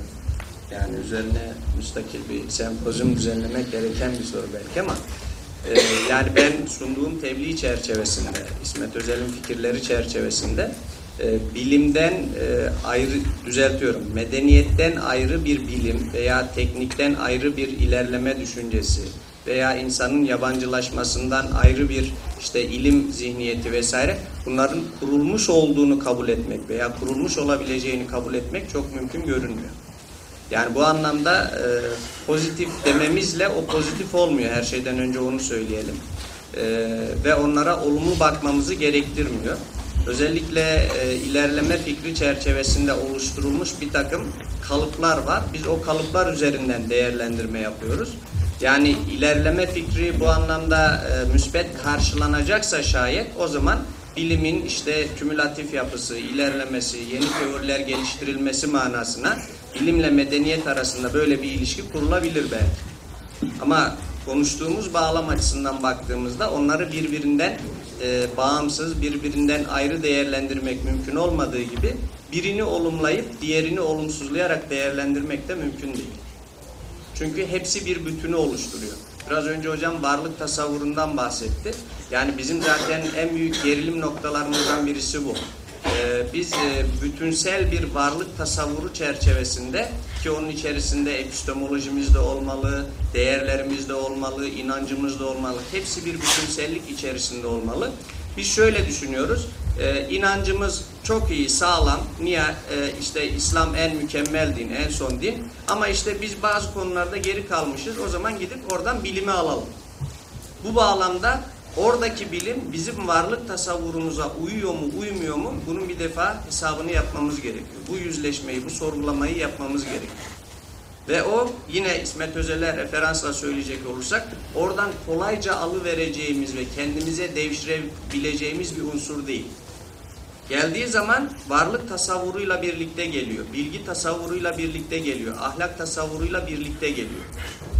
Siz üretemedikten sonra kendi bütünsel dünya görüşünüz, varlık tasavvurunuz, bilgi anlayışınız çerçevesinde üretemedikten sonra yani biz işte inancımız iyi, sizin de işte biliminiz, tekniğiniz iyi, hadi işte birleştirelim. Onun için o örnekleri verdim. Bu birleştirme, seçmecilik yanılgısı çok e, uzak noktalara düşürüyor bizi. Bununla ilgili çok somut ve çarpıcı bir e, örnek var. Muhammed İkbal üzerinden meseleye yaklaşıyor İsmet Özel. E, Müslümanların en büyük e, yanlışlıklarının da burada olduğunu söylüyor. Hemen kısaca ona değinivereyim. Bir Müslümanın hiçbir konuda seçmeci olamayacağına dair canlı bir örneği Muhammed İkbal'in kadın konusundaki tutumundan çıkarmamız oldukça kolaydır. İkbal, İslam'ın hükümlerini edindiği Avrupa'yı kültürün, kültürün süzgecinden geçirip bir yoruma ulaşmış olmakla birlikte önceden temelli bir biçimde sahiplendiği kültürle açıkça çelişen İslami hükümler karşısında zor durumda kalmakta ve hatta İslamca duygularını zedeleyecek sonuçlara doğru uzanmaktadır. Kur'an-ı Kerim'in kadınlar hakkındaki bazı açık hükümleri. Burada tabi İsmet Özel'in kadın karşıtı söyleme nedenli e, yer verdiği falan da tartışılabilir ama ona göre Kur'an-ı Kerim'in kadınlar hakkındaki bazı açık hükümleri kadını Avrupalı gözüyle kavrayan ikbali adeta ağlamaklı kılıyor. Kitabın erkeklerin meşru surette kadınlar üzerinde hakları, kadınların da onlar üzerinde hakları vardır. Yalnız erkeklerin hakkı onlardan bir derece fazladır. Mealindeki hükmünü yine kitabın sunduğu kavrayış tarzı içinde anlamaya yanaşmıyor da. Bakın o kavrayış tarzı da İsmet Özel'de anahtar kavramlardan birisi. Tecrid safhasında, tefrit safhasında ve tevhid safhasındaki kavrayış tarzlarından bahsediyor. Burada anlamıyor da tutup kendisine hümanizm hastalığı içinde aşılanmış ön yargıların paralelindeki düşünceleri üstün tutuyor. Ben de çok kederliyim kadınların çektiği cefadan ama öyle müşkil ki mesele halline imkan bulamam diyor. İkbal'e gönderme bu. Bitiriyorum. Açıkça görüldüğü gibi İkbal meseleye bakarken bu seçmeciliğin olamayacağına dair örnek anlamında bunu söylüyorum. Açıkça görüldüğü gibi İkbal meseleye bakarken Batı fikriyatına, Avrupa'yı kavrayış tarzına olan sadakatini elden bırakmıyor. Eğer İslam kafada hali hazırda bulunan düşüncelerle uygunluk içindeyse ne ala, yoksa meseleyi müşkül buluyor nedense. Belirgin biçimde burada gördüğümüz gibi karşı karşıya olduğumuz kafa yapısı asıl biçimlenişini Kur'an-ı Kerim dışında gerçekleştirmiştir. Öyle olmasaydı kadın meselesini müşkül bulmayacak, kafir görüşlere karşı açık alımla doğrusu budur. Çünkü böyle buyurulmuştur diyebilecek. Bugünümüzde hemen hepimizin yaşadığı, buradaki örnekte sadece bu veriliyor. Mesela bir eşitlik ideali var şu anda. Ondan sonra bir demokrasi ideali var şu anda. Bir işte e, insan hakları ideali var şu anda. İslam bunlara uyduğu ölçüde geçerli bizim zihinlerimizde. Bu gerilim noktasını çözmeden de ki önerdiği şey bunu tamamen reddetmek anlamında böyle bir şey olamaz şeklinde. E, bu gerilim noktalarını çözmeden de bu seçmecilik bizi e, açmazda tutmaya devam edecek gibi. Halit Fatih Gülü'ye sorum olacak.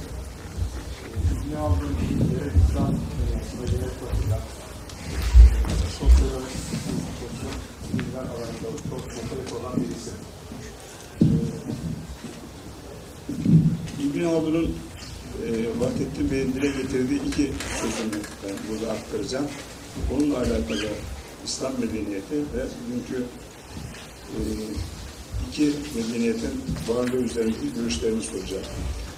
Birincisi İbn Haldun'un her medeniyet, doğa her medeniyeti kuranlar, yaşatanlar ve ölenler, öldürenler veya bırakılanlar vardır tespiti. İkisi medeniyetin bir arada yaşamasının olmadığı bize. Şimdi bu iki tez ile birlikte e, vahiy, vahye dayalı tevhid inancını ortaya koyan İslam medeniyetinin e, ilelebet yaşamasının ve Allah-u Teala tarafından taahhüt edildiği gerçeği var. Ve bütün bunlar üçünü bir arada değerlendirdiğimizde e, medeniyetler arası ittifak veyahut da medeniyetler çatışması teorilerini dikkate alarak bunları bu konular hakkında bir görüşünüzü almak istiyorum.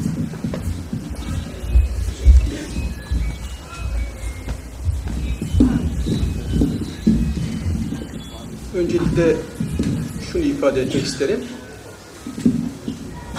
İki farklı e, düşünme düzleminden bahsetmemiz gerekiyor. Medeniyetler İttifakı son derece pratik ve siyasi bir proje. Bizim buradaki tartışmalarımız ise e, varlığın hakikatini kavramaya dönük bir çabaydı İbn Haldun'unkinde olduğu gibi. İkinci olarak da şunu ifade etmem lazım. E, İbn Haldun doğrudan medeniyet kavramını dediğim gibi benim gördüğüm iki metin var. Arapça metin. Onların birinde hiç kullanmıyor, birinde birkaç yerde kullanılıyor. Doğrusu ben bir el yazma nüshaya henüz bakabilme imkanım olmadı. Ee, en kısa sırada onu inşallah yapmış olacağım. Yani umran üzerinden devam edersem eğer medeniyet kavramını kullanmış olsa bile onun kullandığı düzlemdeki medeniyet tasavvurunun fotoğrafını verdiğim ana maddeler çerçevesinde düşünebilirsek benim kanaatim şudur. Ee, İbn Haldun aynı dönemde zannediyorum demin bir başkasından aktarımımla karıştı. Aynı dönemde birden fazla medeniyet değil çok fazla medeniyet yaşayabilir diye düşünüyor. Bunların da e, kendi coğrafi, insani, tarihi bağlamları içerisinde e, birbirinden farklı şekillerde tezahür etmesinin mümkün olduğunu söylüyor zaten. Hatta hatta İbn Haldun meseleyi bir adım daha ileri götürüyor bana göre. Vahyin müdahil olmadığı sadece havadis alemindeki insan etkinliklerinin ürünü olarak da bir umran tecelli ettirilir, e, e, inşa edilebilir. Ama bu umran vahiy ile kendisini terbiye etmemiş bir ümran olarak her halükarda nakıstır. Hatta ve hatta ifsada belli noktalarda mecburdur. İfsad olacaktır. Yani çünkü insan aklı vahyi gerektiren bir nakısa taşıyor. O nakısadan dolayı da mutlaka onun tesis ettiği bir yapı, bir hayat tanzimi eksik ve yanılgılı bir hayat tanzimi olacaktır. Bu anlamda düşündüğümüzde birden fazla medeniyet olabilir bir kere İbn Haldun'a göre. Bu medeniyetler aynı dönemde de olabilir. Aynı inanç inancı taşıyan insanların bile aynı dönemde birbirinden farklı umranlar tesis etmeleri mümkündür hatta. Nitekim Bedevi umran var, Hadari umran var ve bu umranı oluşturan şartlar o demin bahsettiğim e, coğrafya ile ilgili, tarihi birikimle ilgili, insanların şahsi tecrübeleri ve e, kavrayış düzeyleriyle ilgili bir şeydir. Aynı zamanda da o toplumun iç sosyolojik dalgası bir asabiyetle buluştuğu zaman bir yapıyı gerçekleştiriyordu. İkinci bir kategoriden burada çok bahsetme imkanım olmamıştı. İbn Haldun bir toplumun kendi asabiyeti içerisinde bir yapıyı döndürmesini, ihtiyaçları karşılayabilecek bir yetkinlikte taşımasının mümkün olmadığı duruma geldiğinde bir başka asabiyet sahibi grup tarafından tasfiye uğratılacağını ve yeni bir umran inşa edileceğini de söylüyor. Belki İslam medeniyeti diye bir medeniyet varsa ve o 19. yüzyılın sonunda 20. yüzyılın başında tasfiye edildiyse eğer, bunu hep şartlı önermelerle kullanıyorum, o tasfiyede bu dış e, e, asabiyet medeniyetin oluşturduğu gücün buradaki yetkinsizlik üzerine bir tasfiye operasyonu olarak okunabilir. Dolayısıyla medeniyetler ittifak edebilir mi? Bu çok aktüel bir tartışma. Medeniyetler pratik şeyler üzerinde ittifak edebilirler. Çünkü her halükarda medeniyetlerin ortak bir takım insani ihtiyaçları ürettiği bir takım cevaplar olduğu için zaten umuranlar teşekkül edebilmiştir. Hatırlarsanız mukaddimenin ana tezi şudur demiştim. Gereğince karşılanmış olan ihtiyaçlar insanların önüne yeni imkan alanları açar. Medeniyetler böyle tezahür eder. Umran böyle teşekkül eder. O halde A medeniyeti ya da B medeniyeti belli insani ihtiyaçları karşılama yetkinliklerini gösterebildikleri içindir ki varlar. O halde bu insani tecrübelerin kesişen noktaları bulunabilir. Ama bu kesişmenin bir tevhid şeklinde tezahür etmesi ancak vahiy ile mümkün olabilir diyor. Vahiy olmaksızın mümkün değildir. Kısa bir soru daha alıp bitirelim. Tamam buyurun.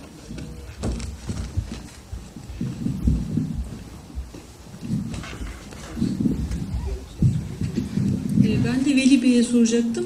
Ee, Yaşar Özel, e, şeyin, e, İsmet Özel'in e, bunu, bu dediğiniz kitabını okumadım. Ee,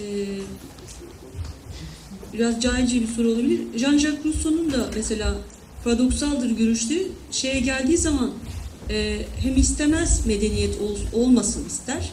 Çünkü der ki bu zerafettir filan bunlar yalandır, sahteliktir. E, insanın hakikatini, gerçeğini koymasına imkan vermez bu medeniyetin e, şeyleri der. E, gerçekle mesafe, zerafet arttıkça gerçek ortaya çıkamaz der. Yani zerafet iyi bir şey değil onun nazarında. Sanki ona onu dinliyormuşum gibi oldum şeyinde.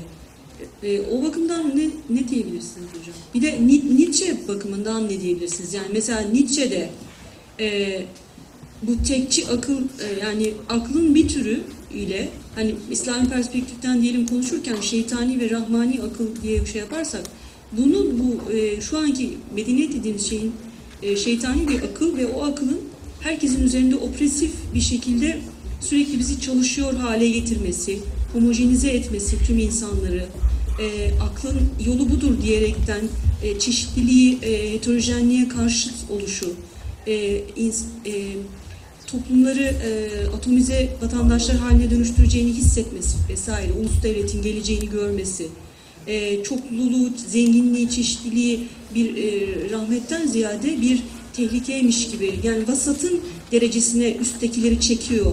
Ben güçlüyüm, akıllıyım, e, gücün gücün kendisini göstermesine imkan vermeyen bir e, şey tesis etmeye çalışıyor bu gelen akıl deyip imdat eden bir adam bu Nietzsche. Rousseau da öyle şeylere bir ara gitmiş sonra tekrar dönüyor paradoksal bir şekilde teslim oluyor. Medeniyet geliyor diyor ne yapayım yani deyip en sonunda tamam diyor yani o şeyde bırakıyor. Şimdi özellikle şunu belirtmek gerekiyor. İsmet Özel kendi eserinde bu bahsetmiş olduğunuz isimlerden bazılarını da mesela Jean-Jacques ile ilgili, Montesquieu ile ilgili değerlendirmeler yapıyor. Bunları bilmeyen birisi değil. Veya hocamın e, tebliğinde e, ifade ettiği gibi sadece batı düşüncesinden bir takım e, kalıpları alıp veya onlardan etkilenerek düşüncelerini ortaya koymuş birisi değil. Aynı zamanda İslam düşüncesinin temel e, kavrayış düzeylerini e, anlamış, e, içselleştirmiş hatta bunun üzerinden konuşan birisi. Nitekim Montesquieu ve Rousseau ile ilgili e, mesela medeniyet düşüncesi bir ifratsa diyor bunlarınki tefrittir diyor. Bizim için ortada bir de itidal noktası var. O itidal noktasını temsil etmeye çalışıyor. E, metinden şöyle ifade edeyim hemen.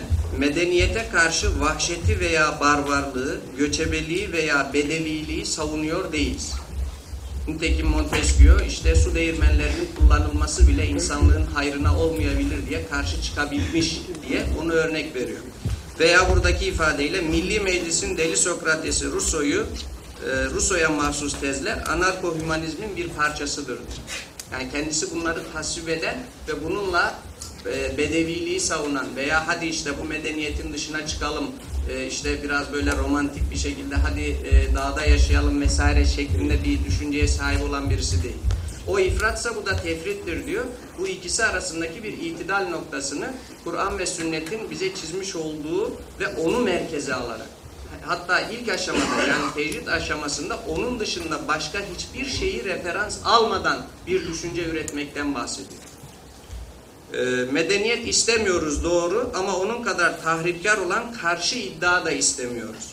Kur'an ve sünnete bağlanmakla sağlıklı bir yaşama biçimine varılabileceğine inanıyoruz.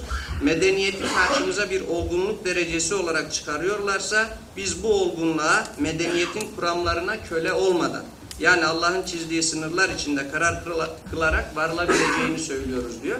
Bu anlamda İslamcıları da eleştiriyor.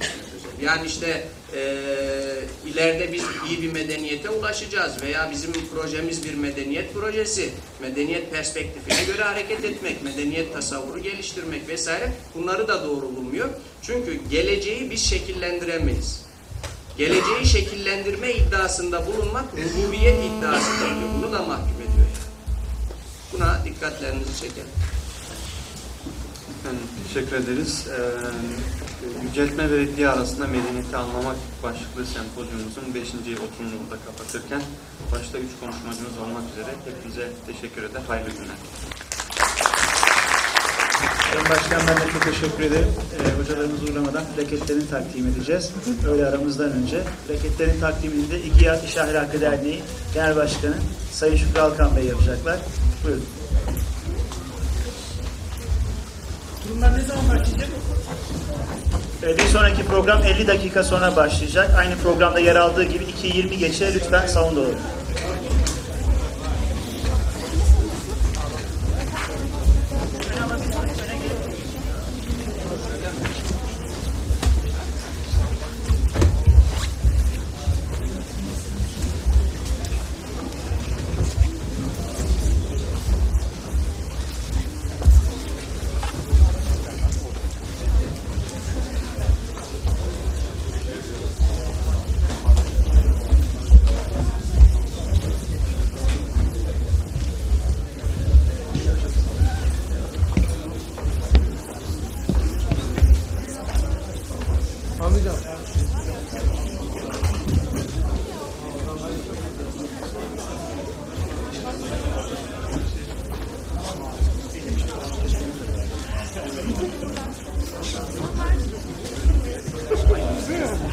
Teşekkürler. 2.20 geçe bu salona tekrar buluşmak üzere.